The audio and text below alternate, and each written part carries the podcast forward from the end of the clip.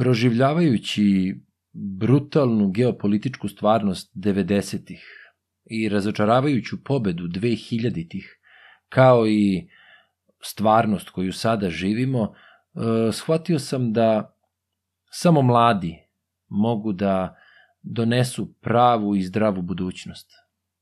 Zato i razgovaram sa 15-godišnjom devojčicom koja je bila đak generacije u osnovnoj školi Mladost na Novom Beogradu.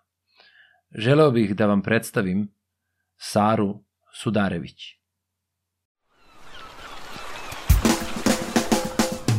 Svako bi da radi samo ono što mu prija. Znam da nemoguće to je, zato moram utopija. Posejao sam seme, slušam, pratim da proklija. Da li je odgovor za sve probleme utopija? Utop, utop, utop, utopija. Podcast utopija. Podcast utopija, utopija. Utopija podcast. Ćao, Saro. Ćao, Nick John. Kako si?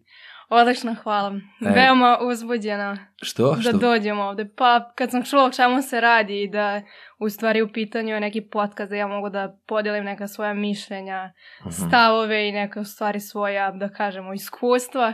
To me veoma obradovalo pošto baš volim da pričam i tako diskutujem o nekim stvarima. Opa, drago mi je, znači imaću dobrog sagovornika.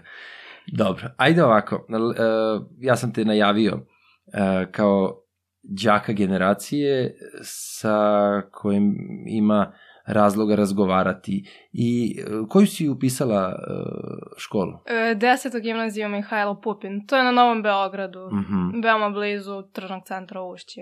dobro. Kom- El, ili ima neki razlog zašto si otišla baš u tu gimnaziju, a ne u neku drugu? Pa, pod broj jedan u stvari zato što je gimnazija opšti smer. Mhm.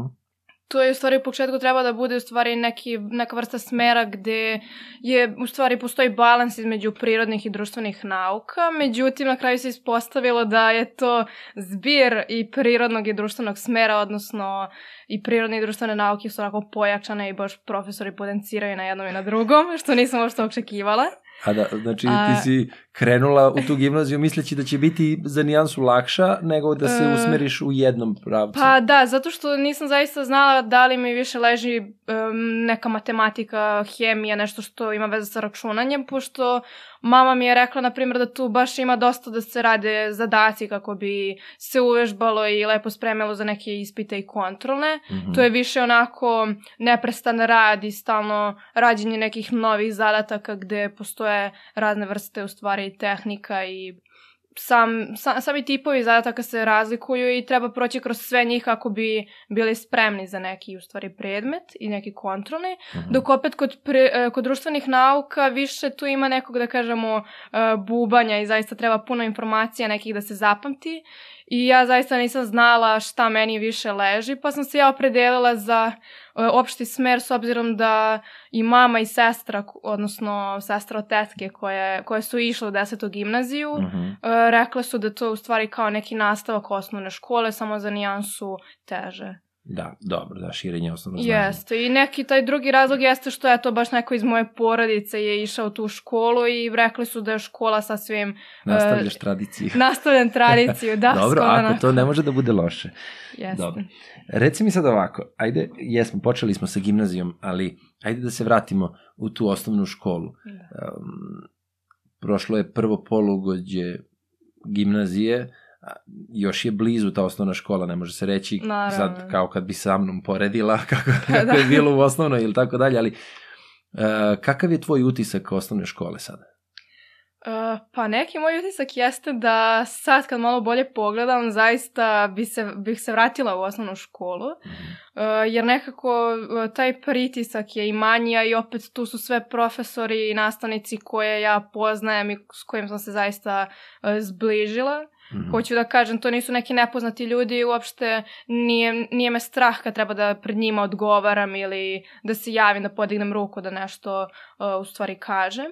E, Dok ipak ovi profesori u srednjoj škole ipak su dosta stroži i više mnogo očekuju od nas i nekako ipak smo mi e, i dalje e, svi, da kažemo, nismo toliko poznati jedni drugima i e, opet treba se navići i zaista za osnovnu školu mislim da je bolja nego srednja Mhm. zato što a, profesori dosta imaju više razumevanja i tu su stvari da uh, prilagode nekako svoj način predavanja deci kako bi njima bilo možda interesantnije.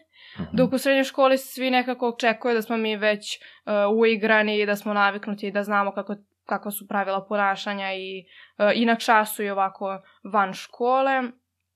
I uh, nekako opet sama kao škola i društvo opet um, u osnovnoj školi možda mi je za nijansu lepše nego u srednjoj školi zato što smo svi u srednjoj školi nekako otuđeni podeljeni u neke grupice. Mhm. Uh, svi već poznaju po nekoga i zato se onda formiraju ti neki, da kažemo, grupe dece, ti neki kao, uh, kako da kažem, uh, svako već nekoga zna i... Mali klanovi. Jeste, mali klanovi i nije toliko otvoren prema drugima i ne želi da se upozna sa drugom decom i vidi njihove stavove možda i... Da, a vidiš, e, na primjer, ja sam sad isto kao i svako odrastao je prošao kroz tu fazu i u toj fazi prilagođavanja na, na srednju školu, gimnaziju, m, u tom trenutku nisi svestan šta se događa, ali e, sve si ti sama rekla. To je taj period adaptiranja. Da. I u stvari samo kada, e, kada bi čovek u tom trenutku mogao sebi da objasni, to je teško, najteže sebi objasniti, da je to samo period navike, navikavanja na novu situaciju i prihvatanja te situacije, onda možeš lakše da nastaviš dalje. U stvari, to je ono komforna zona koju si imala u osnovnoj školi, posebno što tamo su ti bili, jel tako, drugari koji su živeli u istom bloku sa tobom, Jest. većina, znaš, nekog znaš osam godina, nekoga iz vrtića još duže, razumeš, Da. i onda nemaš neke stvari koje mogu da te iznenade. A ovde sad dolaziš u drugi kraj grada, drugi, ono, deca sa različitih strana, možda neko iz unutrašnjosti, Jest. sve je drugačije i što kažeš, onda se prave grupe kako se ko s kim uklapa i sad još ako, ako, ako si osoba koja ne želi da, da se uklopi po svaku cenu, Mhm. onda, znaš, onda mogu da nastanu te male neprijatnosti, ali u stvari Jeste. to se sve mm, prevaziđe. A reci mi, bila si đak generacije, šta je to podrazumevalo? Po tebi? Mhm. Pa ja bih eto krenula možda iz, uh, u stvari sa, sa, krenula bi iz samog početka kako je u Mhm. stvari uh, to moje školovanje počelo, odnosno kako sam ja taj neki stav prema školi razvila. Odlično, ajde reci. Uh, pa moji roditelji, pogotovo mama. Uh, oni su pokušali, kad bismo sad i mog brata uveli u priču koji je inače mlađi, oni su pokušali uh, istom metodom da nas izvedu na neki, da kažemo, pravi put, odnosno da nas nauče da je škola veoma važna i da treba da je zavolimo. Mhm. I- Ali bez obzira što su oni na isti način pokušali da nas na, navedu na pravi put, ipak rezultati nisu baš bili isti, što meni možda govori da ne postoji tu neki pravi način i, koji, i taj jedan jedini, jedini način koji će uvek da radi, Mhm. nego mislim da tu a, malo treba da se prilagodimo samoj osobi, možda a, njenim nekim interesovanjima ili šta više, nismo svi e, na istom nivou zrelosti, na istom nivou shvatanja i nekada eto i zavisi od toga da li smo dečak ili devojčica i mislim da zbog toga treba obratiti pažnju na koji način mi e, radimo eto sa decom ili sa bilo kime. E, tako da eto, na primer, nešto što su meni mama i tata stalno govorili jeste da je škola veoma bitna, kako, e, bitna odnosno da se uči, da se radi na sebi, kako ne bih u budućnosti možda završila kao neki e, čovek koji radi u maksiju ili koji e, je čistač. Mislim da se razumemo, ja zaista cenim sve poslove i bilo koga ko želi da radi. Naravno. Um, ali eto, postoje neki poslovi koji su manje ili više prijetni i verujem da su zato moji roditelji baš uzeli taj primjer zbog čega škola... Da, e, sad izvini, nemoj da mi zameriš. Uskočit ću na trenutak, a nemoj da zaboraviš, da izgubiš nit. Mm, Gde si naravno. krenula? Um, u trenutku odrastanja, posebno, eto i ja sam roditelj, pa moje dete 12 godina i sad kroz nju prolazimo čitavo to i školovanje i sazrevanje i sve neprilike koje idu uz to. Um, to o, upozoravanje dece kako da završe ili da ne završe, Mm, da. t, o, to je iz njihovog ugla toliko komplikovano da onda mora da se pojednostavi, a Mhm. pojednostavi se u, u smislu da sad kao ako radiš na sebi, onda možeš da budeš da imaš nazovi, nazovi bolje poslove, odnosno bolje plaćene poslove, Da. a ako ne radiš, ako ne učiš, jeli, onda, eto, daju se ti primeri kao da neko radi u prodavnici, kasir i tako dalje. Da. Mislim, svi poslovi su za poštovanje, posebno su Naravno. ljudi za poštovanje, to je vrlo važno Jest. Naglasiti. Ima raznih uticaja koji uh, deluju na čoveka, na, na njihove sudbine i kako su donekle došli. Naravno, Ma, ima i da. lenjosti, ne pričamo, Jest. ima i lenjosti, ali ako je neko svestan kao ti da treba i da može da napreduje, onda uh, tako i treba da radi. Mislim, imao sam potrebu samo da kažem ovo vezano Mhm. da, da, da ne ispadne sad da nekoga ni podaštavamo jeli, Naravno. i da govorimo loše, prosto i sama si rekla poštovanje. Jeste, mislim, nije to kad, kako neko završi, odnosno kojom se profesijom bavi, neka to opet utiče i na samu uh, istoriju porodice i, na primjer, gde se rodio. Kao nekad Svašta. u prošlosti ljudi koji bi, na primjer, deca robova, Mhm. oni su automatski smatrani robom samo zato što su roditelji bili robovi, a to oni baš zbog toga možda nisu imali Priliku. ni, ni mogućnosti ni priliku Tako da, uh, da eto možda uzdignu sebe i Da nađu uh, bolji put. edukuju. Jeste. Tako je.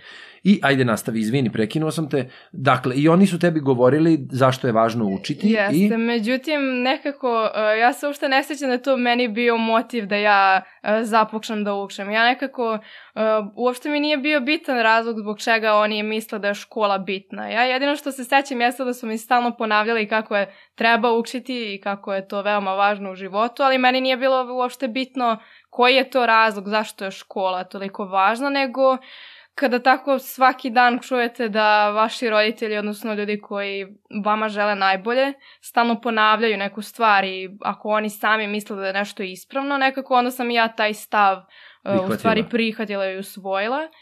I međutim, ja sam nekako previše onda postala prema sebi onako oštra po pitanju učenja. Mhm. Odnosno, tako kako vreme prolazilo, sve sam sebi manje i manje dozvoljavala da se ulenjim ili da uh, negde eto malo posustanem. Odnosno, svaka niža ocena od petice je za mene predstavila smak sveta. Odnosno, i dalje predstavlja, vre- predstavlja ali pokušavam eto da malo promenim taj stav kod sebe. Mhm. Jer znam da uopšte to nije zdravo da kada se dobije nešto manje od petice dok čovek stalno eto pada u neku tugu ili okšaj. Mislim, Da. bude to na jedan dan zaista, ali opet e, mislim da e, sama ta moja reakcija e, nije baš zdrava. Da. E, I zaista eto mislim da čak u poređenju čak i da dobijem dva ili četiri, nekako mislim da bi na isti način reagovala, što naravno e, ne valja.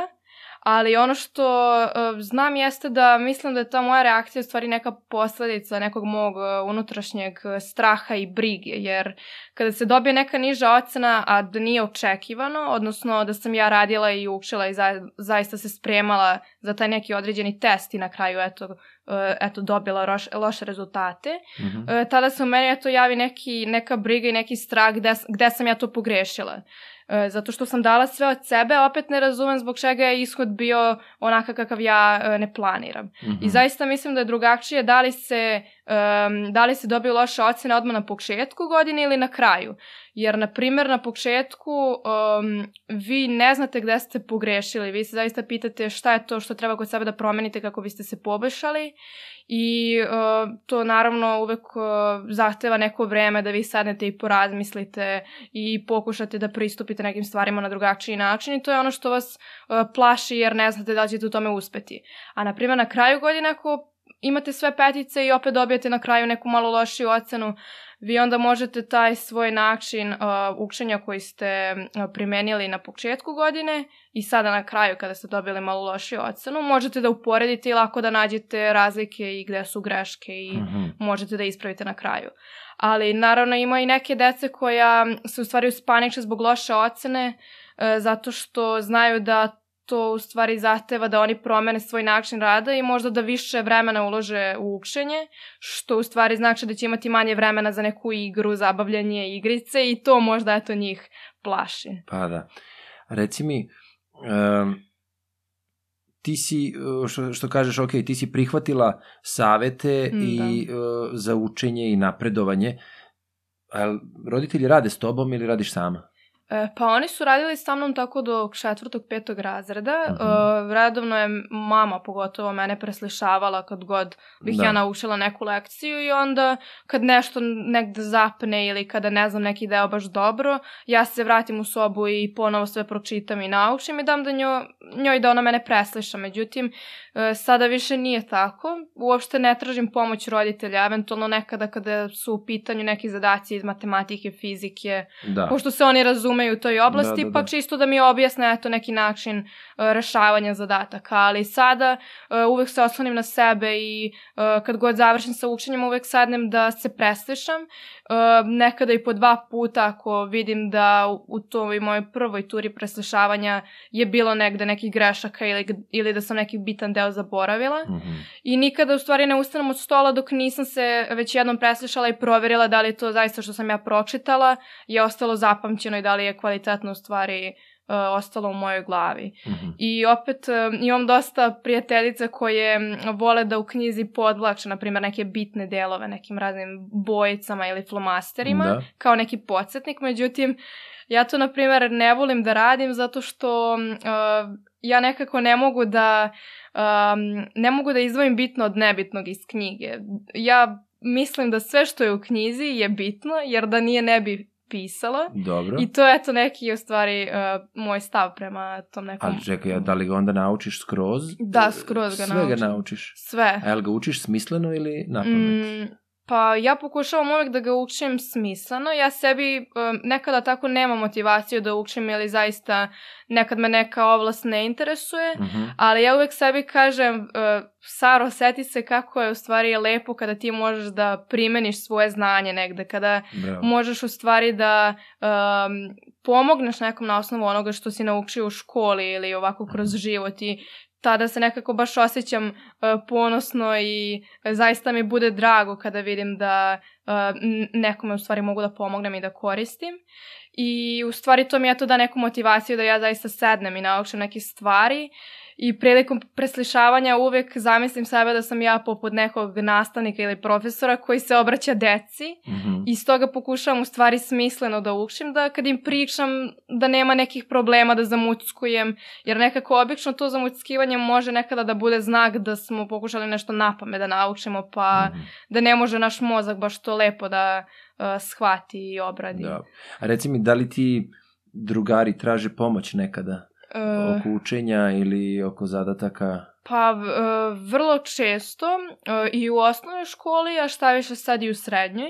I kako, kako ti to doživljavaš? Ne mislim kako doživljavaš, naravno želiš da pomogneš, nego u tom, um, u, u, u, toj pomoći, da li to koristiš isto kao neku vrstu samopotvrđivanja i znanja i sigurnosti i svega? Ili? E, pa jeste. E, ima, dosta sam, ima dosta puta kada ja, e, kada ta neka moja pomoć više bude, na primjer, da e, slikam nešto iz sveske što sam zapisala, što neko od mojih drugara nije stigao, Mhm. ali vrlo često me pitaju za razne za- zadatke iz hemije, da im malo objasnim i pomognem. I e, nekada zaista e, bude to za mene onako malo, mm, bude mi onako, kako da kažem, e, kada me tako pitaju da im pomognem, a ja, znate, na primjer, hoću da odmaram, tada do- onda, dobro. na primjer, mi se, nije, ne bude mi baš tako prijatno da im pomažem, ali... Pa dobro, da, zato što U- imaš svoje slobodno vreme, drugo je želja, a drugo Jeste. su fizičke mogućnosti kada ne možeš da postigneš sve. Ali u dobro. većini slučajeva volim da pomognem baš zbog toga što onda i sebe preslišam, pogotovo ako su to neki zadaci eto, uh, iz oblasti matematike. Tako smo, na primer, uh, pre nekoliko nedelja imali smo neki slobodan čas u školi i to je bio čas predpisman iz matematike i uh, drugari su me pitali da zajedno odradimo neke zadatke i meni je bilo baš drago zato što sam onda tada i ja sama radila te zadatke za sebe i proveravala da li znam da rešim u stvari e, te zadatke i nekada se i desi da e, stvarno e, uvidim negde e, gde je problem, odnosno e, primetim da ima neka, neki deo ili oblast koji meni baš ne idu i na koje bi trebala da obratim pažnju u stvari, Mhm. a za koje sam prethodno mislila da će biti sve u redu. Da. Reci mi ovako, e, da bi neko postao đak generacije, šta to podrazumeva? E, pa ja ja do eto osmog i sedmog razreda uopšte nisam razmišljala, razmišljala o tome da li ću ja biti đak generacije i bilo mi je sasvim sve jedno, nisam imala neku posebnu uh, želju, ali kada se ta želja stvorila u meni, Uh, u stvari primetila sam da neko ko, ho, uh, ko je đak generacije, to treba da bude neka osoba koja uh, planira da uh, radi na sebi, u stvari da uh, unapređuje svoje znanje i svoje veštine, svoj uh, način shvatanja. Uh, I mislim, u, u većini škola đa generacija obično bude najbolji učenik, nezavisno od toga da li, um, da li je taj učenik zaista uh, učio školu zbog toga što je teo i što je teo da radi na sebi ili je to tako slučajno. Mm -hmm. Ali mislim da đa generacija treba da bude neka, neka osoba koja uh, ima zaista nameru da radi u sebi, na sebi i koja koja ima, koja ima nameru da radi na sebi i koja zaista želi da postigne nešto uh, veliko u životu i tu treba da bude neko uh, ko je, da kažemo, možda zre, zreliji od ostalih svojih vršnjaka. Dobro. Mada a... ne mora to uvek da bude u stvari uslov, Naravno. zato što nekada za đaka generacije samo ono što zavisi jeste, jeste samo koliko imate uh, diploma, a nekada se u stvari znanje uopšte ni ne meri tim di, diplomama, Mhm. -hmm. Uh, jer eto nekada i na tim takmičenjima može da se desi da imate da imamo tremu ili da Dobro, da, to da. su stvari koje utiču. Ali reci mi, ajde baš na tome. Um, ti si išla na ta takmičenja mm -hmm. i koje si predmete najviše volala u osnovnoj školi? Uh, pa na početku sam najviše volala bio, biologiju. Um, mislim da je tu u stvari bilo i prvo takmičenje na koje sam ja uh, u stvari išla, mm -hmm. ali posle sam išla na takmičenja kao iz matematike, iz srpskog jezika. Uh, iz matematike sam kasnije prestala zato što nekako to, uh, to je zahtevalo da se zaista puno zadataka proradi pre, pre, pre tog takmičenja. Nikad nismo znali da li će baš taj tip zadataka da nam dođe. Mm -hmm. I stoga nekako nisam ja sebe videla u u toj oblasti i više sam rešila da odem na neke te uh, nauke gde ipak može da se nauči gradivo i posle samo da se e, primeni. to naučeno primeni. Mm -hmm. I nekako, uh, pored toga, da, bila sam i na takmičenjima iz jezika, iz engleskog, iz italijanskog, mm -hmm. takođe. Iz italijanskog sam e, velik uspeh, na primjer, postigla, iako sam smatrala da uh, uopšte neću stići na tako visok nivo, mm -hmm. jer uh, italijanski je bio novi jezik za mene, ipak sam ja krenula da ga učem tako od petog razreda i uh, nisam nikad bila sigurna u to svoje znanje. Uh, I nekako u školi nisam nikad praktikovala da ja pričam ili komuniciram na tom jeziku i uh, stoga pre nego što sam se prijavila za to takmičenje, oklevala sam, mada je tu bila ta moja profesorka, koja je u stvari mene postakla i ohrabrila. Što je važno. Jeste, veoma tako... važno i ona je u stvari razvila, prema, u stvari u meni razvio se taj neki stav gde sam ja zavolala italijanski i rešila da se u stvari otvorim i sve strahove koje sam imala, na primer strah da se ne napravi greška prilikom razgovora mm -hmm. ili prilikom izrade nekog testa, ali najviše prilikom komunikacije. Svi ti nekako moji strahovi su polako počeli da nestaju zato što sam shvatila da se ipak na greškama uči i to najbolje na svojim greškama jer se nekako to onda najbolje i zapamti. Tako je. E, I takođe želela bih da spomenem e, takmičenje iz e, opšte tehničkog. Mm -hmm. um, tu zaista u stvari nisam ni očekivala da ću se prijaviti za tako nešto, zato što uh, tehničko niko od nas đaka nije baš voleo taj predmet, ali eto ja sam naučila da ga zavolim u stvari samo zahvaljujući tim takmičenjima. Mm -hmm. um, I naravno tu je bio profesor koji je takođe um, insistirao da ja se prijavim za to takmičenje i koliko god meni to u početku delovalo mučno, ja sam u stvari sa njemu baš zaista zahvalna. Da. Uh, jer u stvari to takmičenje mi je možda i najviše ostalo u sećanju kao neko lepo iskustvo, pogotovo ove godine kada smo uh, drugarice i ja išla na takmičenje, republičko takmičenje iz takmičkog u Niš. Mm -hmm.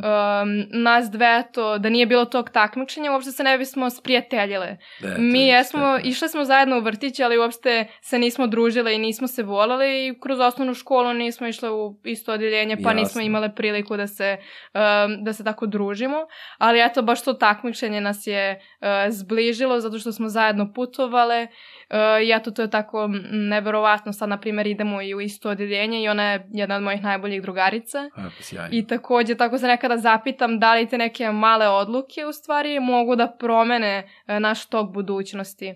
Uh, mislim, zaista nekada se i zapitam da li, da li je sve jedno da li ću pojesti, na primjer, za doručak kuvano ili pekšano jaje. Mislim, zaista se zapitam da li će možda bilo koji deo moga dana, odnosno toka, uh, se malo promeniti samo u zavisnosti od toga.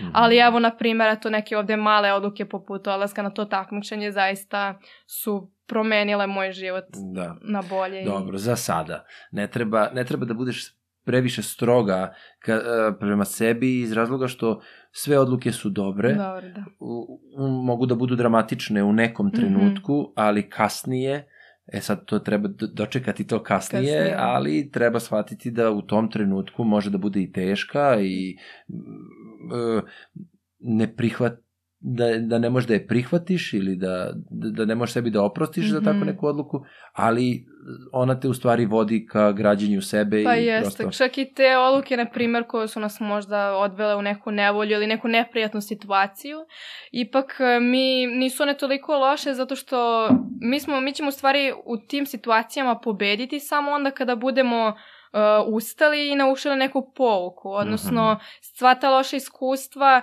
uh, mogu na kraju da ispadnu dobra ako mi vidimo gde je bila greška i naučimo na vreme kako u nekim daljim eto, uh, životnim situacijama ne bismo napravili grešku koja će nas, istu tu grešku koja će nas možda još više uh, Da. koštati.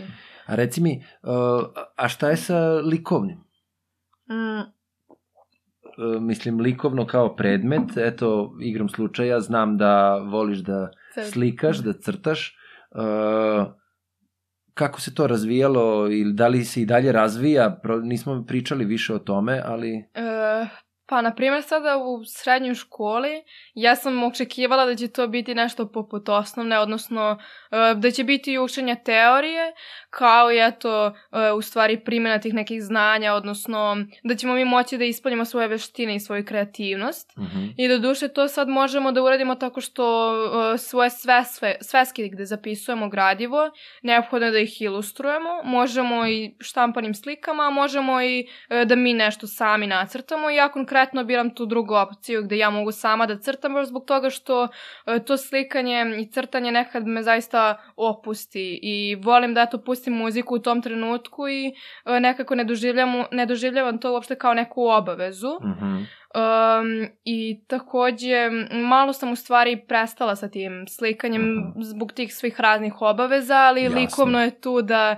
u stvari opet oživi tu uh, Dobro. energiju i planiram sad za vreme raspusta, pošto sam uh, dobila u stvari na poklon uh, platna za slikanje. Mhm. Um, planiram u stvari da sednem i malo da razmislim uh, šta bih mogla da naslikam na njima i želim da to bude nešto što, neka ideja koja zaista proistikše iz mene, da nije nešto što sam ja negde videla pa samo um, malo izmenila, nego volim kad to bude nešto što sam ja zamislila i što na kraju ispadne uh, odlično. Mhm. I najviše eto volim da slikam prirodu jer mislim da mi to uh, najlepše, najlepše mi ide. Volim kad tako mogu da pejzaž u stvari oslikavam jer tu ima puno tih nekih boja i uh, motiva gde ja mogu možda da ispoljim neke svoje uh, emocije. Da. I takođe, nekada volim i samo da crtam neke abstraktne slike, jer sami ti pokreti, na primer četkice ili ruke, šta više, nekada i prstima slikamo, um,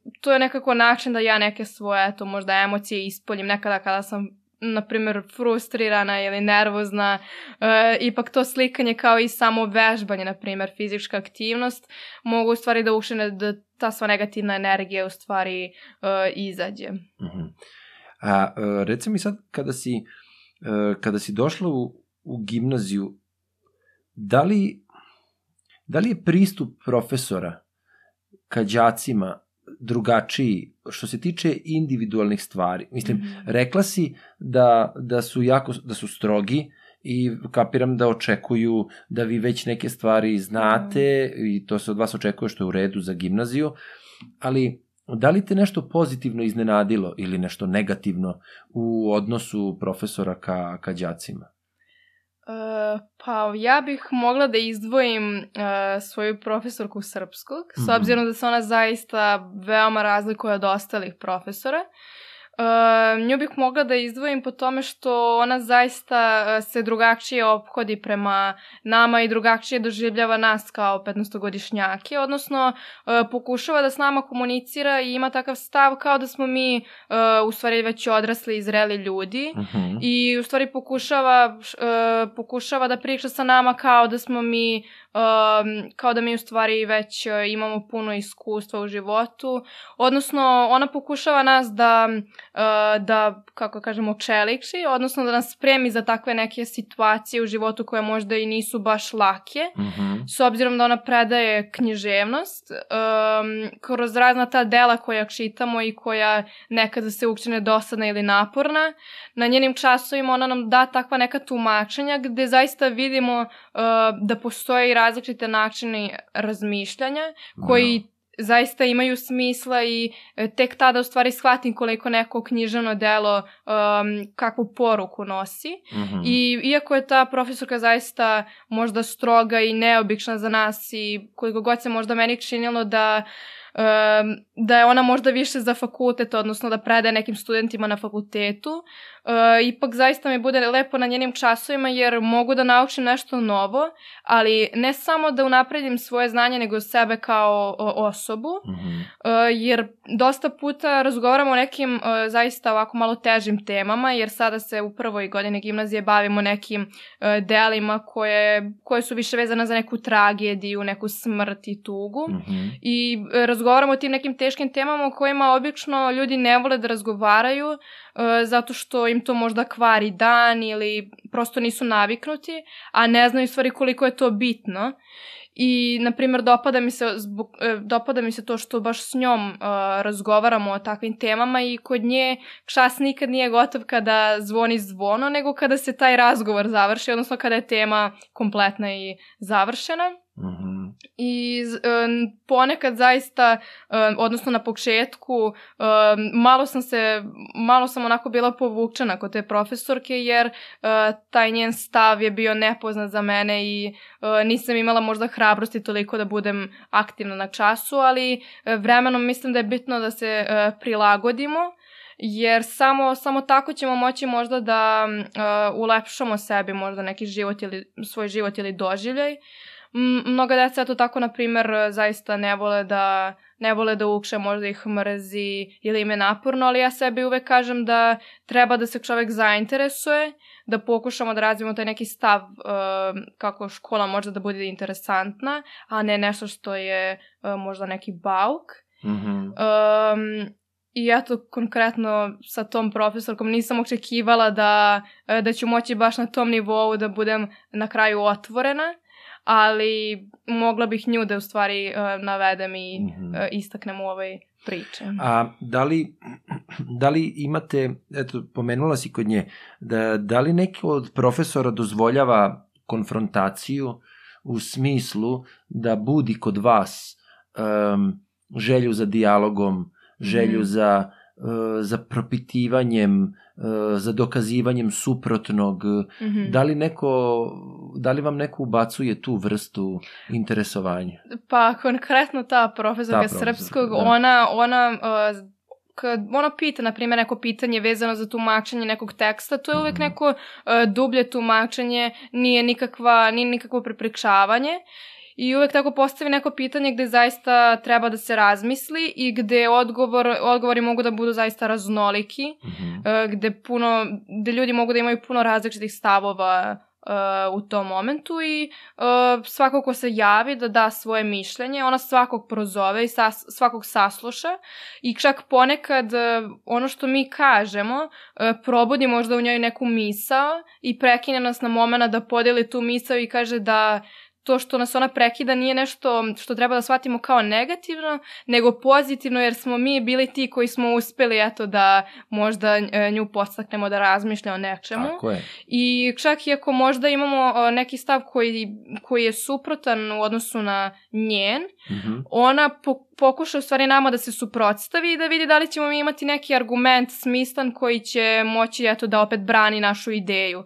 I kroz naše pismene zadatke ima jedan dečak, moj drug, koji, uh, koji ima konkretno drugačiji stav na neku temu u odnosu u odnosu na tu profesorku Mhm. i baš ta profesorka je njegov sastav izdvojila i pohvalila ga i rekla da bez obzira što ima drugačiji e, stav, on ipak nije se plašio da ga iskaže i Bravo. prilikom ispravke, u stvari tog pismenog, on se držao tog stava njegovog i ona mu naravno ništa nije zamerila.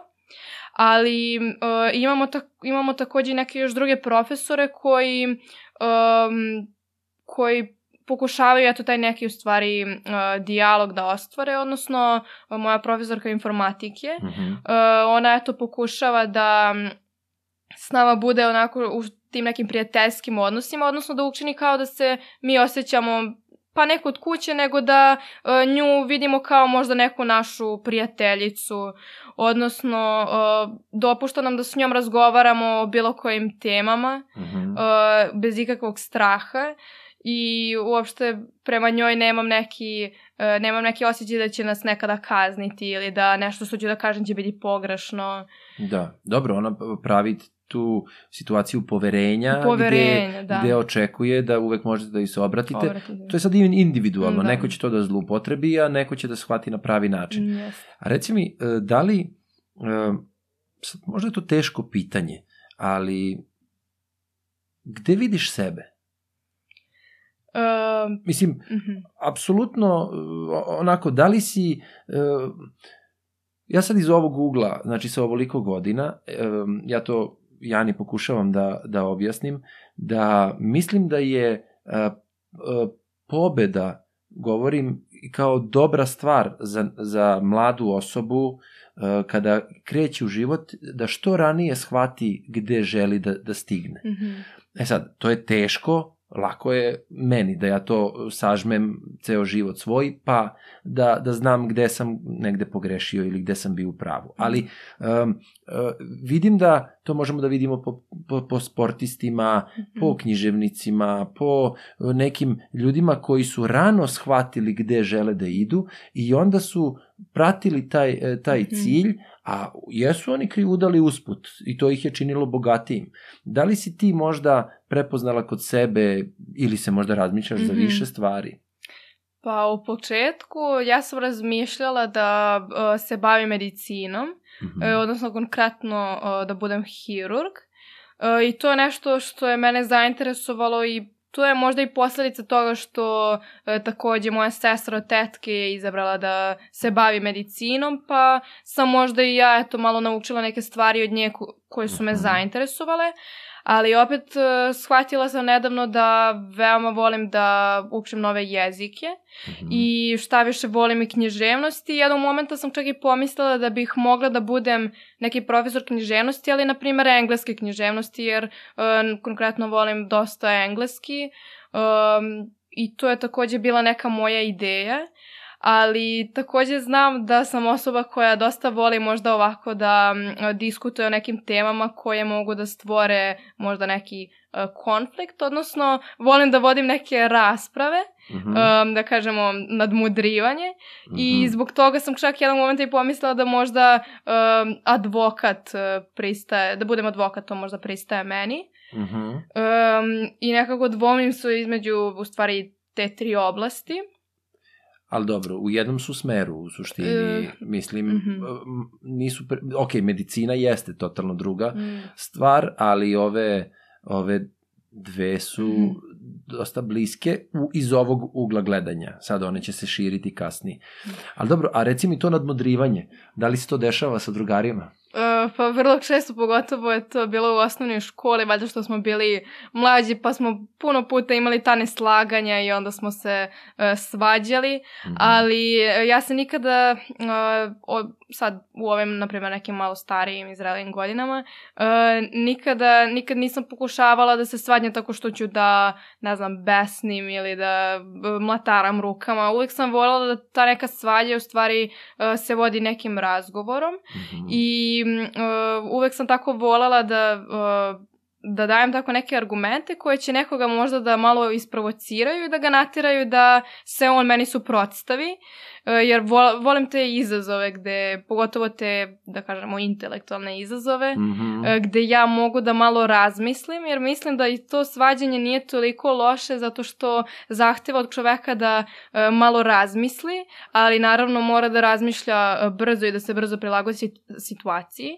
I to razmišljanje opet to, to podrazumeva da se nađe neki argument koji će biti smislen, koji će imati logike i koji će opet moći da odbrani nečije, nečiju ideju i tako tako mislim da čak i sam mi radimo na sebi tako što um, možda tako postajemo čvršći i učimo kako da se suprotstavimo i nekada kažemo ne kada ne, kada mislimo da uh, je možda naša ideja takšna, ali Naravno, uvek treba da saslušamo i drugi, jer vrlo često se ispostavi da možda neko ima uh, način razmišljanja koji je, da kažemo, tačniji ili bolji i možemo da nađemo neku stvari zlatnu sredinu i mm izmenimo naš sam stav na osnovu onoga što smo čuli od drugih. Da. I takođe i sada u ovim godinama ne svađam se toliko sa svojim vršnjacima jer dosta njih, dosta njih odmah prekine uh, tu svađu.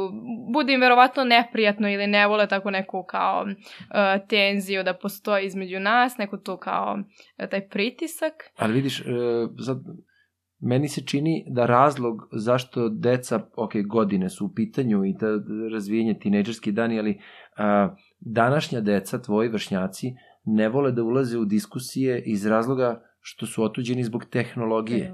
Da. zbog telefona, zbog uh, igrica. Mislim, igrice su se uvek igrale na ovaj mm -hmm. način, ali vama su sad toliko pristupačne da, da to je postala normalnost kao vazduh, kao voda i onda te situacije koje mogu da se vide da, da gomila dece sedi u, u istoj prostoriji za istim uh, na istom mm. krevetu i sve, a da svako gleda u telefon i da ne komuniciraju, to je, znaš, ovaj tvoj slučaj je toliko redak sada mm -hmm. u današnjosti da, da je i zato vredan, mm. razumeš? Znači, malo ljudi želi komunikaciju, dijalog, yes. čak i konfrontaciju tog tipa, a jesi u pravu jer ona te očvršćuje.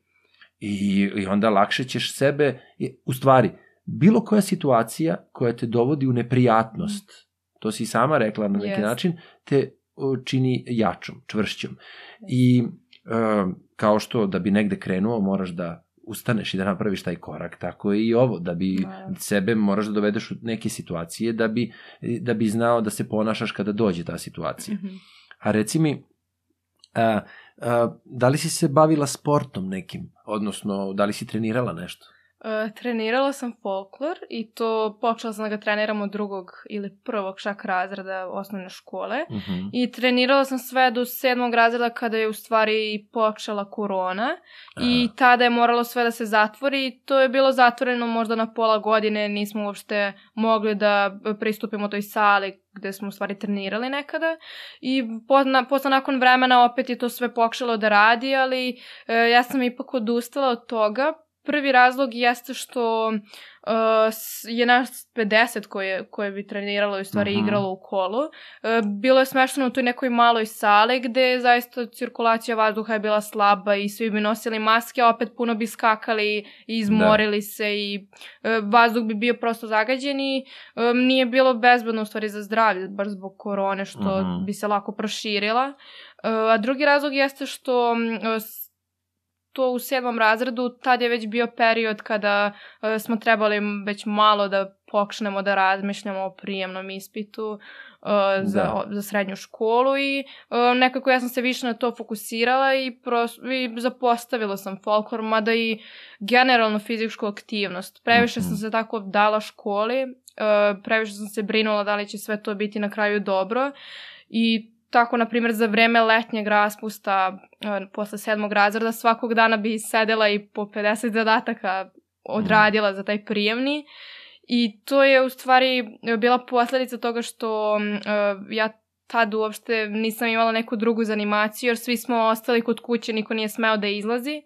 Ali opet, um, mislim da sam previše energije uložila u to spremanje, jer na kraju se ispostavilo da i test nije bio toliko težak koliko sam ja očekivala ili... Dobro, ali to sad znaš. To ali sad da dok znam. si spremala, morala si da Jeste. budeš, da u sebe dovedeš u situaciju Jeste. da te ništa ne iznenadi. I sad konkretno, opet da se vratim na folklor, uh, sada mi nedostaje. Uh, zato što mm, ja sam baš voljela da plešem i u stvari da skačem i uvek posle škole mi je to bilo, ne, bila neka razonoda gde ja mogu da se vez, jeste veselim uz neku muziku i da eto ispoljim tu neku energiju i uvek posle budem naravno umorna i lepo mogu da zaspem i sutra da Mhm. budem spremna za novi dan. Ali jedino što mi nije odgovaralo jeste što društvo u stvari na, tamo na folkloru um, nije bilo baš onako prijatno, nisu bili baš druželjubivi. Mhm. Tu su više bila neka deca, bilo raznih uzrasta i mlađih i starijih od mene, ali sam primetila da su svi imali za neki cilj da se pokažu. Mi smo uvek na folkloru i trebali da imamo taj neki, um, u stvari, morali smo da se držimo naše telo ispravno i pravo, Mhm. da budemo čvrsti i opet da budemo i elegantni sa podignutom glavom i bradom Mhm. širokim osmehom, ali posmatrajući svu to decu kako pokušavaju eto da, e, da tako u stvari prikažu sebe. Um, izgledali su previše veštačko, a i opet uh, videlo se o njima da su bili previše ponositi i kada bih poželjela, na primjer, s njima da pričam ili kada bih čisto stajala pored njih i možda pogrešila neki korak, uvek bi onako me malo kao gurnuli drsko, pogledali me kao "Z- zašto ti grešiš, šta sad uh, ometaš ceo, celo kolo. Mhm. I to mi se, na primjer, nije svidelo. Čak i neka mlađa deca od mene, um, kada bih ja pogrešila mm, neki korak slučajno, oni bi, me, oni bi me jako za ruku pritisli i samo mi dali neki, neki hladan pogled i kao. Po, prosto je bila ta neka neprijateljska atmosfera što ne bi trebalo da uh, bude ostvareno među nama zato što uh, svi smo u kolu, svi se držimo za ruke, jedan smo kolektiv, uh, treba u stvari to da bude kao to kolo da predstavlja jedan, jednog čoveka, odnosno treba svi da budemo zajedno i usklađeni, ali eto nismo, nismo delili tu neku zajedničku pozitivnu energiju. A, kako se zove, jesi li, ne, jesi li pričala sad sa tim novim drugarima nekad? Da li ste ušli u neku um, temu, ok, ti si rekla gde bi ti videla sebe u budućnosti, gde, to jest gde se vidiš. Da li je neko od njih prepoznao gde će da ide, a da ti je zanimljivo? Mhm. Mislim, ne obavezno da sad kao i ti želiš to, ali kao da, da je sad, na primjer, jako je zanimljivo za tog drugara koji je i koji ima suprotan stav Da. i drži se njega od, za razliku od profesorke srpskog. Mhm. Znaš, da li je neko rekao želim da budem i onda da da obrazloženje, da, Mhm. znaš, da ima jasnu sliku. E, samo pre nego što to kažem, žela bih samo još jednom da se osvrnem na folklor, Ajde, pošto ajde. mi je sinula jedna ideja, to je da e, veoma e, sam trener e, Mhm. bilo koga sporta veoma utiče na raspolož- raspoloženje i stav dece, Mhm. E, jer konkretno kod mene je bio taj neki trener koji je stalno bio neraspoložen, ljut i nikada ne bi, ne bih se osmehnuo ili pohvalio nekoga i mislim da je to u, u nama ubilo tu neku želju da mi Jasno. nastavimo da treniramo i to nije samo moj slučaj, nego imam i neke drugarice koje se bave nekim drugim sportovima i koje imaju isti takav slučaj gde e, u stvari taj e, negativan stav trenera je ono što ubije želju u nama da nastavimo E, se to je kada se čovek bavi nečim što ne voli ili što Da. mora da radi zarad zarade ili nekog drugog cilja, nije osuđujuće, ali to je pokazatelj kako sve utiče na celokupnu sliku. I onda ako ti imaš dobrog nastavnika, pedagoga, koji može tebe da e, isprovocira da napraviš čuda kasnije i ako to prepoznaš, onda činite čuda zajedno. A od s druge strane, eto vidiš kako neko nečije e, splet okolnosti nečijeg života može Jeste. da utiče da uguši želju ka da. nečemu, ali dobro, sad ima raznih faktora. Što Mislim kažeš, tu je da- i korona bila, tu je Da. bila i taj o, o, prostor mali i, i njegovo ponašanje, ali dobro, uvek ćeš moći da se vratiš, ne mora to da Jeste. bude, m, ako imaš želju, mislim, menjaće se Mhm. e, ovaj stvari koje želiš da probaš, nove neke, tako da biće to e, Jeste. drugačije. A da li taj neki drug, drugarica, jel su ti privukli pažnju nekim svojim pogledima, stavovima? Pa, mm, za sada mislim da nema niko kome je nešto prijatno iznenadio ili Mhm. uh, ko je posebno neku želju izrazio. Uh, ali znam da kod dosta njih su se stavovi menjali uh, od toga kako je neko želeo da postane programer, sada bi želeo da postane neko ko se bavi modom ili Mhm. uh, nekom umetnošću. Mhm. Um, I dosta kod njih, u stvari, te ideje se menjaju vrlo često i mislim da eto utiče škola bitno na to, zato što Mhm. smo sad na tom uh, prelazu. Ali zaključila sam da većina mojih drugara žele da se bavi nekim poslom koji, koji, koji donosi veliku sumu novca. Uh, I to su, do, dosta njih su u stvari vredna deca, ali ima i dosta njih koji su prilično nerealni, odnosno žele da dosta postignu u životu, a u stvari se ne trude nimalo i ne ulažu u sebe. Da, misle da će doći samo. Doći će samo ili Da. ne znam, obezbedit će mama i tata. Uh, Ne prepoznaju pravu e, Jeste. sliku. A reci mi, šta slušaš? Koju muziku? Uh, pa slušam, ja, to su sad neki, neki žanr, žanrovi Mhm. za koje ja nisam sigurna da li, Dobro. da li je svet upućen, ali to je više neka tako elektronska muzika Mhm. uh, gde, gde se u stvari više samo melodija neka ponavlja, odnosno um, nema nekog posebnog pevanja. Više volim da su neki instrumenti, bilo, to ele, električni Da. instrumenti ili uh, konkretno neka klasična muzika. Mhm. Uh, više volim eto neke melodije da slušam jer uh, ponekad uh, eto volim da slušam klasičnu muziku i to konkretno neku uh, tužnu klasičnu muziku. Mhm. I nju obično slušam kada, uh, kada na primjer, crtam nešto, jer mislim da me ona nekako opušta i natjera me da se malo udubim u sebe i u uh, svoj način razmišljanja i ono što Aha. osjećam. Valjda baš zbog toga što je melodija sporija i možda malo tiša. A takođe volim i da slušam muziku sada, ko zna, to se zove, na primjer, uh, muzika se zove trap i to je neka mešavina elektronske muzike i uh, repa. Mhm. I e, dosta puta u, u, u tom žanru jedna te ista melodija se ponavlja, što meni odgovara jer mi daje kao taj e, neki e, ritam koji ja mogu non stop da pratim. I vrlo često uz muziku volim da sednem i da malo sanjarim ili razmišljam o svojoj budućnosti Mhm. ili o nekim planovima. I u stvari ta melodija koja se tako vrlo često ponavlja u istim ritmovima, e, pomaže mi da se u stvari e, i fokusiram na svoje misli. Mhm. Jer kada bi bilo tih nekih raznih prelaza u, u tim melodijama ili kada bi e, postojalo neko pevanje, više bi se fokusirala na neki taj glas i te reči što pevač izgovara nego na, e, svoja, nego na svoje misli. Mhm. A muzika mi baš to pomaže da stvorim taj neki mir kod sebe i e, na miru razmislim možda o svom životu ili maštam o nekim stvarima koje eto tako stvaraju neke, neka lepa osjećanja u meni, na primjer putovanja ili Mhm. neka sećanja kada, kada bi bila negde sa prijateljima. Mhm. A reci mi, da li ima nešto um, što te baš uh, iritira i nervira uh, kod muzike ili u nečemu, bilo šta što te okružuje?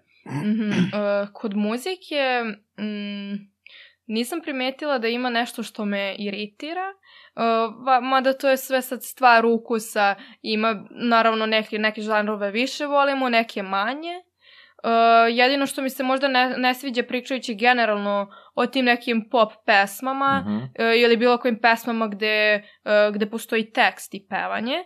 Ono što mi se ne sviđa jeste poruka koju šalje, Mhm. i vrlo često priča se o parama, o kriminalu o, dro, o drozi, drogi i takođe o e, nekim tako substancama i nekim aktivnostima koje baš nisu za pohvalu ili su ilegalne.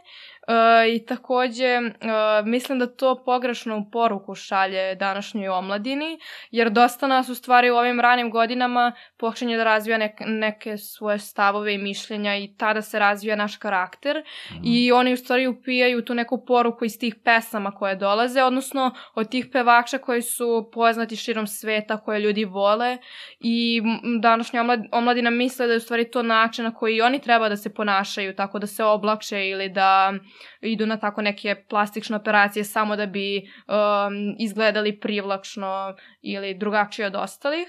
A misliš da to nije u redu? Uh, pa nije da mislim da nije u redu, ali ima nekih ljudi koji zaista idu preko granica. Uh -huh. um, mislim da treba da, ako nekome zaista je potrebna plastična operacija zbog sebe, kako bi možda sebi izgledao lepše ili kako bi možda neku manu popravio, mislim da je to uh, sasvim u redu, ali, na primer, ne podržavam da se ide na plastične operacije uh, samo zbog toga što nam je namera možda da privučemo muškarce svojim fizičkim izgledom. Hoću da kažem, mm -hmm. mislim da treba više da se ceni unutrašnjost i naša, naš karakter i naša duša i ponašanje nego sam spoljašnji izgled. Mm -hmm. I kod u stvari tih pesama mislim da treba da se promeni ta poruga koja se u stvari šalje.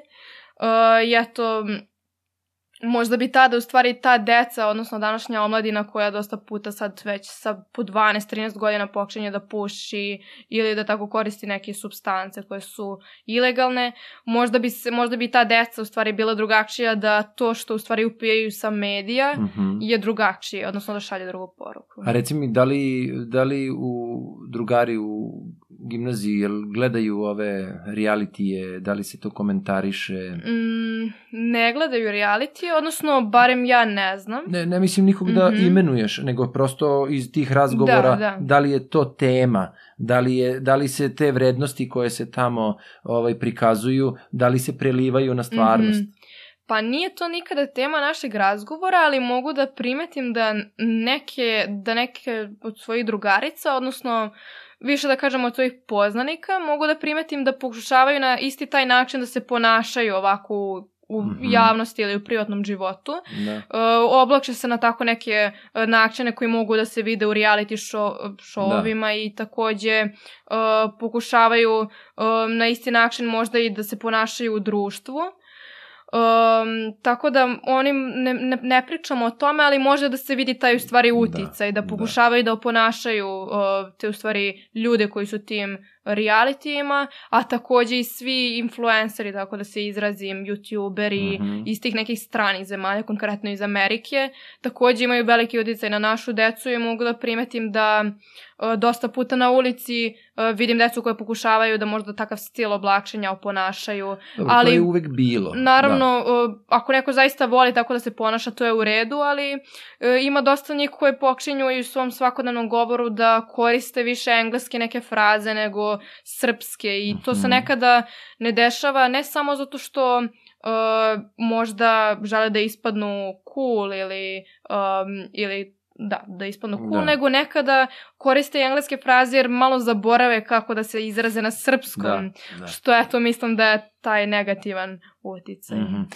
A reci mi, uh, isto vezano uh, za sadašnjost i za sve što nas okružuje, da li, kako eto, neko tvog uzrasta da. doživljava ovu zemlju u kojoj živimo ili situaciju, ali probaj, uh, jasno je da na svakog od nas utiče okolina, gde živimo, stavovi roditelja, stavovi baba, deda, da. stavovi svega, ali da li si nekada razmišljala ili pokušala da da zaključiš šta je ovo, gde smo, da li mm. je ispravno ili šta bi ti promenila, da li bi, kada bi bila u situaciji, da li bi moglo da se promeni. Da li si o tome razmišljala?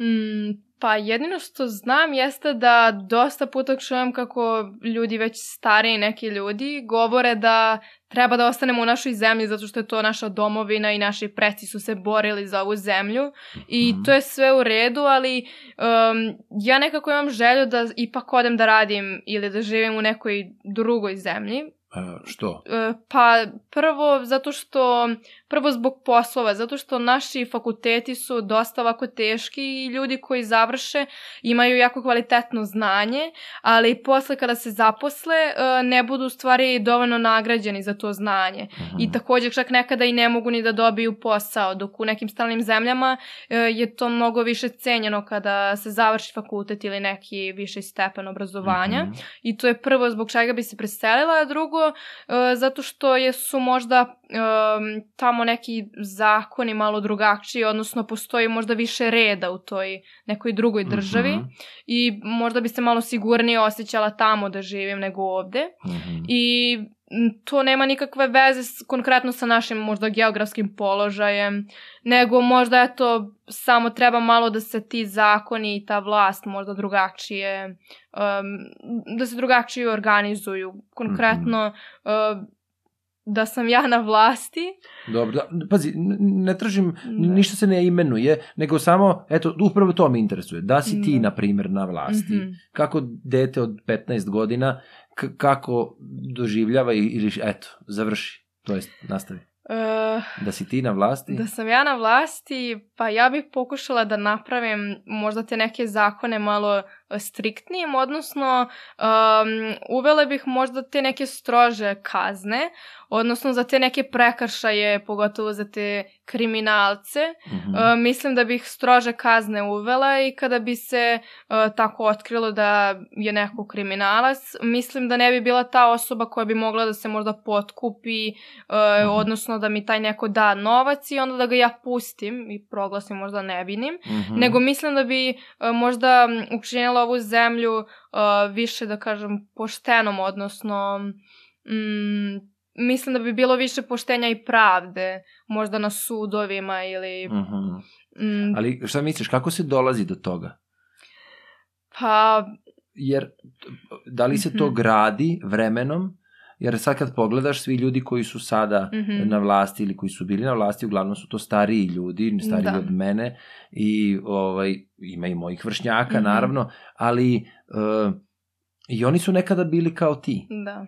Samo šta se promenilo u njihovim stavovima, u njihovom gledištu? Da li, šta misliš? Uh, ja mislim prvo da taj njihov položaj do koga su stigli, Mhm. uh, kada bismo sad, na primjer, pogledali u istoriju i naveli, u stvari uzeli za primjer Hitlera, možemo da vidimo da u stvari mm, uh, on, ono što se uradio jeste da je vršio tu neku propagandu i uh, u stvari ljudima je govorio ono što oni žele da čuju, ono što bi oni voljeli da bude, Odnosno, Hitler je obećavao razne stvari koje je narodu, koje je narod želeo da čuje, ali nigde nije bilo zagarantovano da će on to zaista da uradi, nego je on Mhm. obećavao, obećavao i ljudi su mu e, bezgranično verovali, jer možda u tom dobu je stalno vlada, vladalo to možda neko bezakonje i Mhm. siromaštvo i sada on koji e, je eto ponudio nešto što bi e, tom narodu bilo poput nekog raja, Mhm. oni su odmah pristali i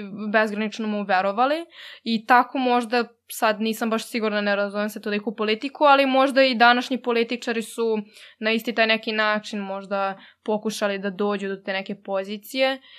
Uh, ali konkretno ja, ja bih isto obećavala neke stvari, ali pokušala bi uh, da obećam ono što mogu da i- ispunim. Da. Odnosno ne bih, ne bih bila previše nerealna i e, da posle to ljudi e, se razočaraju kada, kada su imali nade u mene i poverenja, a posle da sam ih i izneverila. I Da. eto to je možda št- kako bi ja u stvari pokušala da e, dođem u stvari na vlast. Da. Ali, na primjer, sad ovo što si rekla, ti i vidiš sebe, ti vidiš sebe da ideš u inostranstvo i da Da. tamo učiš, odnosno i da radiš i da živiš, ali kako onda, ko će da ostane Mislim, ovo Da. ni nametanje, ovo samo Mhm. pričamo, jeli, jer uh, što kažeš i kao i sa tvojom profesorkom, stavovi mogu da nam se razlikuju, to Razlikuju, nas ne naravno. čini ništa lošim ili bilo šta, ali eto, ja Mhm. se to pitam. Uh, ako svi koji imaju, Mhm. na primjer, tvoj kvalitet i uh, odu, da li onda postoji realna mogućnost da se išta popravi? Jer ako gledamo logično, ako svi koji odu, a ostanu oni koji se ne trude, Mhm. ili ima mnogo manje onih koji ostanu, a trudili su se, da li onda išta može da se popravi? Uh, pa, s obzirom da sada većina u stvari tih obrazovanih ljudi žele da ode iz države, Uh -huh. uh, mislim da taj moj odlazak neće promeniti ili ostanak neće promeniti mnogo situaciju, ali ako bismo se zajedno udružili, Uh -huh. Mislim da bi se da bi došlo do neke promene u ovoj državi e, zato što m, u stvari to obrazovanje jeste ono što budi svest e, u nama odnosno zahvaljujući obrazovanju mi e, možemo možemo sa nekih možda e, boljih e, tačaka gledišta da posmatramo svet ili možda više racionalno da razmišljamo i mislim da je ključ u tom obrazovanju i informisanju jer ako ne znamo šta se dešava oko nas, ne, nećemo ni znati šta treba da promenimo. I ako bi mi svi koji e, smo obrazovani i planiramo da možda državu unapredimo, ako bismo svi ostali i rešili da zajedno u stvari um, se udružimo i zajedno eto možda na vlasti promenimo neke stvari, mislim da bi onda postojao neki uspeh, ali bitno je da budemo svi usaglašeni, jer ako nema te usaglašenosti uvek će biti jedna strana za jedno, a druga strana za drugo i uvek će opet tu nastati neki, neka svađa neki konflikt i jednima će biti dobro, a drugima ne, kao što je možda i danas. Uvek je tako. Da. ne postoji treći. Tako Jest. da, da, ali, ali uh, hoću da kažem da ne treba odmah uh, staviti tačku na to Mhm. da je nešto nepromenljivo. Menimo, da. Uvek je promenljivo Jest. i u najcrnjim tim vremenima kao što si pomenula drugi svetski rat da. i tada se mislilo da će sve da nestane, da je pakao apokalipsa.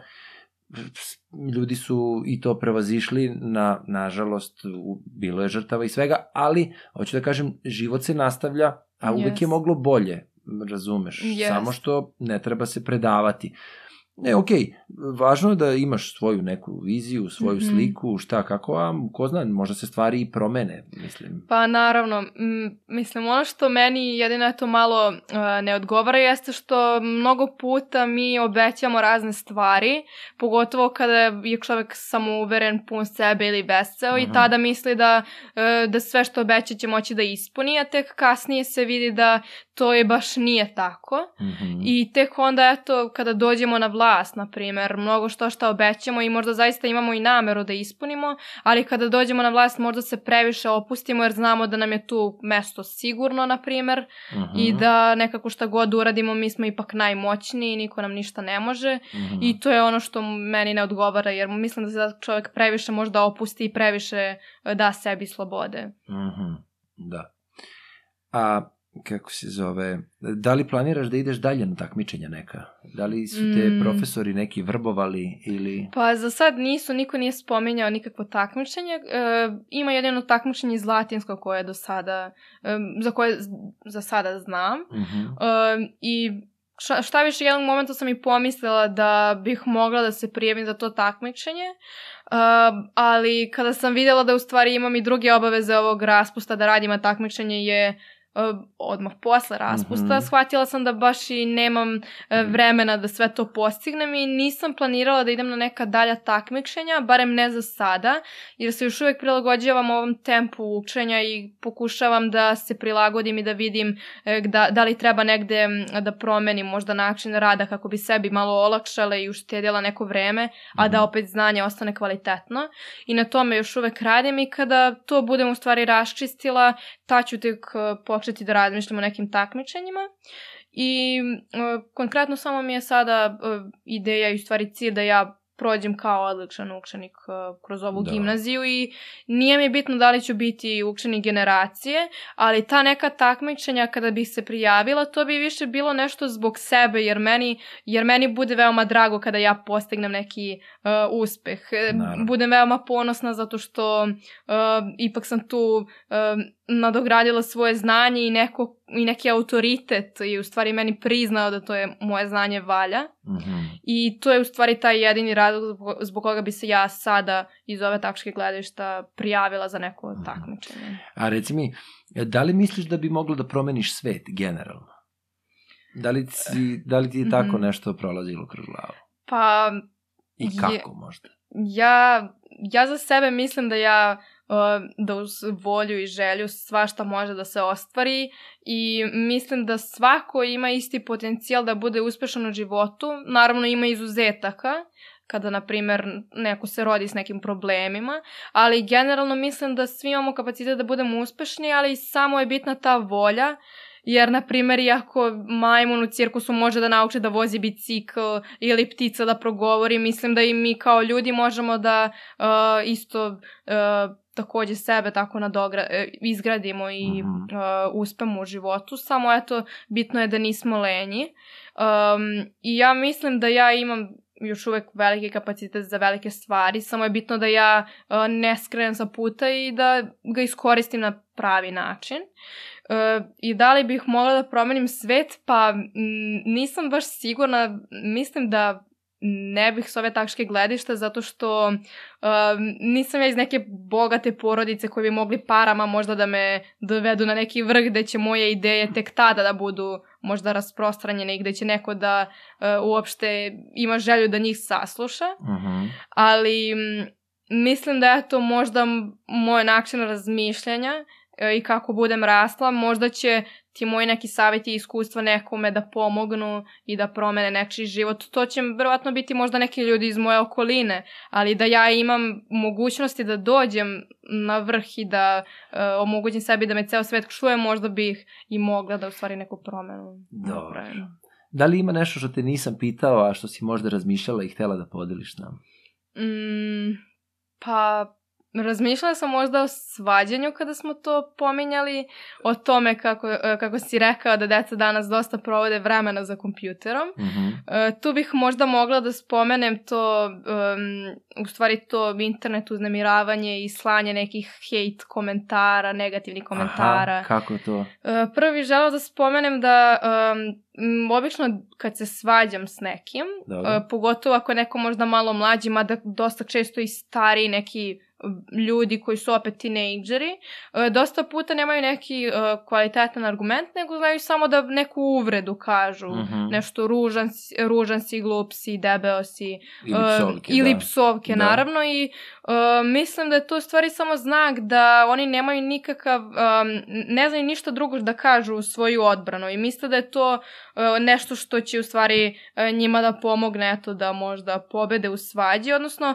to im je bolje nego da ćute, jer misle, misle da ako budu ćutali da će to biti znak poraza. U stvari, Mhm. ovo psovanje i vređanje je u stvari već znak da su oni možda nezreli i da ne znaju kao ljudi da komuniciraju.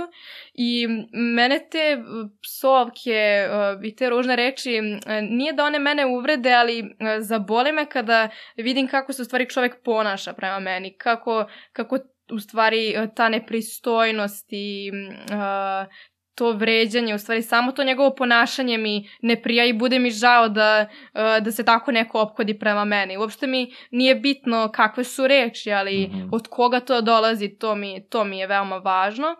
I, na primjer, za internet dosta puta to sam primetila kada bi neko okačio sliku na neku društvenu mrežu, ta osoba je uh, ovako u stvarnom životu možda neko ko, uh, ko je i loš prijatelj i ko možda i nije baš toliko lep ili ko nije popularan u društvu i on kad okači neku sliku, odjednom sva ta deca koja su prethodno njega ogovarala, počinju da mu šalju neke komentare kao, na primjer, jao, prelepa si ili prelep si, e, kakav makšak ili kakav šef, e, e, najjači, kraljica, kralj.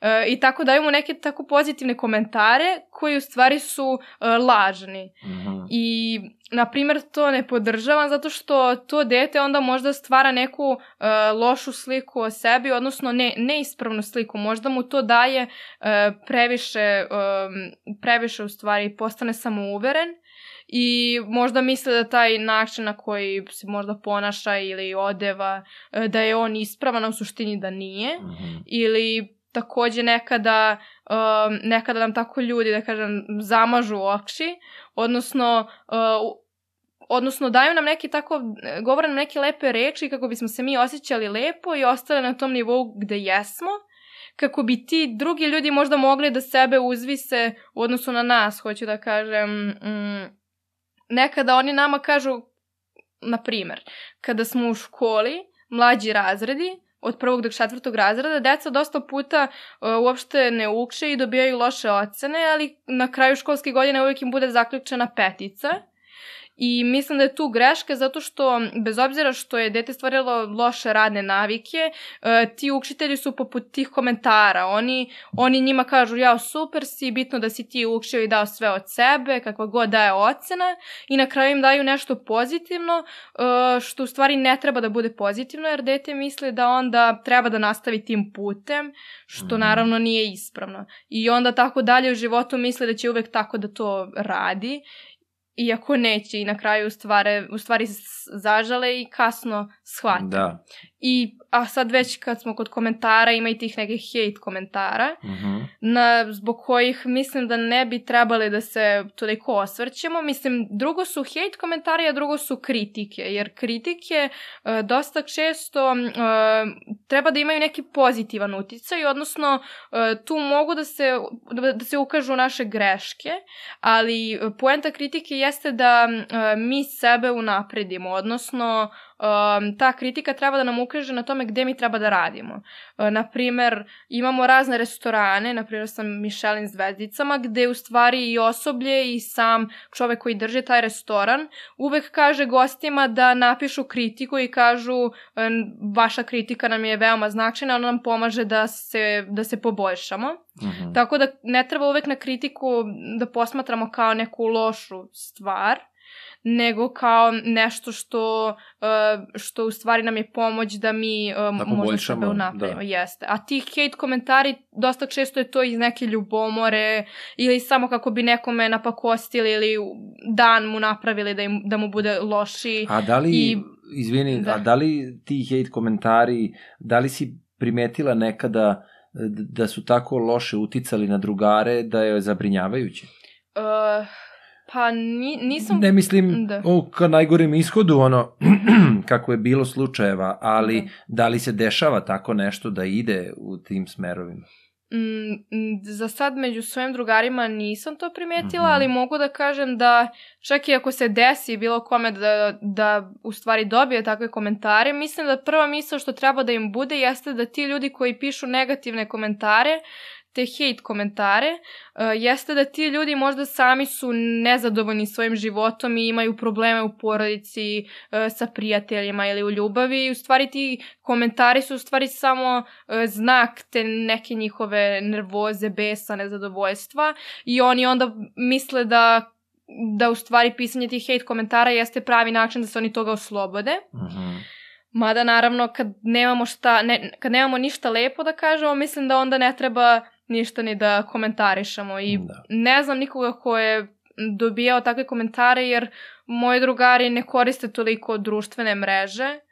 To je pohvalno. Pa za sad, za sad nema takvih slučajeva što mi je drago, ali kada bi bilo uvek bi uvek bi bila tu za njih i porazgovarali bi o tome i zajedno bismo u stvari doneli neki taj no, racionalan zaključak. Mm -hmm. Dala bi im neko ohrabrenje i baš bih baš bih im isto ovo ispričala, da im u stvari ukažem na tome da ne treba mnogo da pridaju značaja tome, jer to su ipak i neki nepoznati ljudi i ne treba, mislim da, mislim da ne treba da, da nas zanima toliko mišljenje nekih nepoznatih ljudi, pogotovo ako ne znamo kakvi su oni u životu, uh -huh. jer dosta puta, evo, na primjer, kod mene, uh, zbog toga što veoma puno pažnje pridajem školi, mislim da dosta nekih učenika iz mog odeljenja bih, bi, me, na, bi me nazvalo štreberkom. Uh, I meni to ne smeta, ali oni dosta često znaju te štrebere da, da ogovaraju ili da imaju loše mišljenje o njima, ali ja se, na primjer, ne osvrćem toliko na to jer moj cilj nije da usvojim njihova mišljenja i spustim se na njihov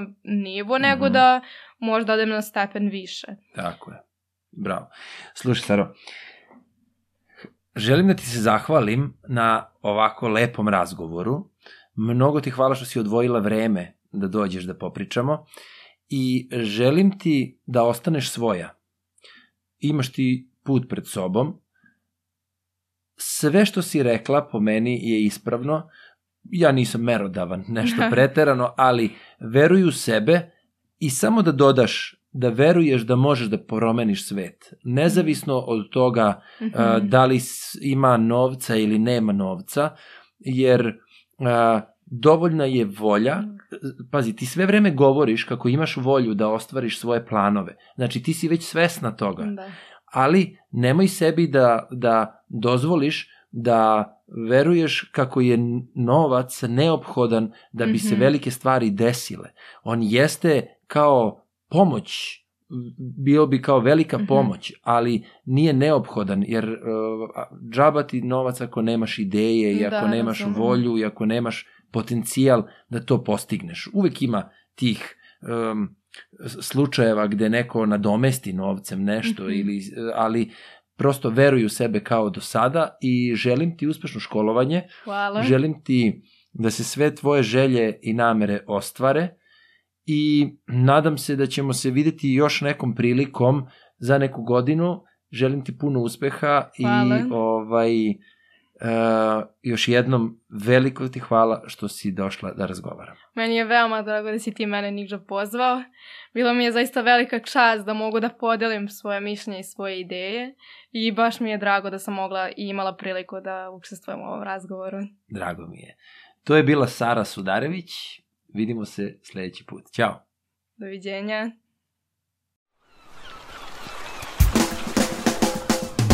Svako bi da radi samo ono što mu prija Znam da nemoguće to je, zato moram utopija Posejao sam seme, slušam, pratim da proklija Da li je odgovor za sve probleme utopija Utop, utop, utop, utopija Podcast utopija Podcast utopija, utopija Utopija podcast.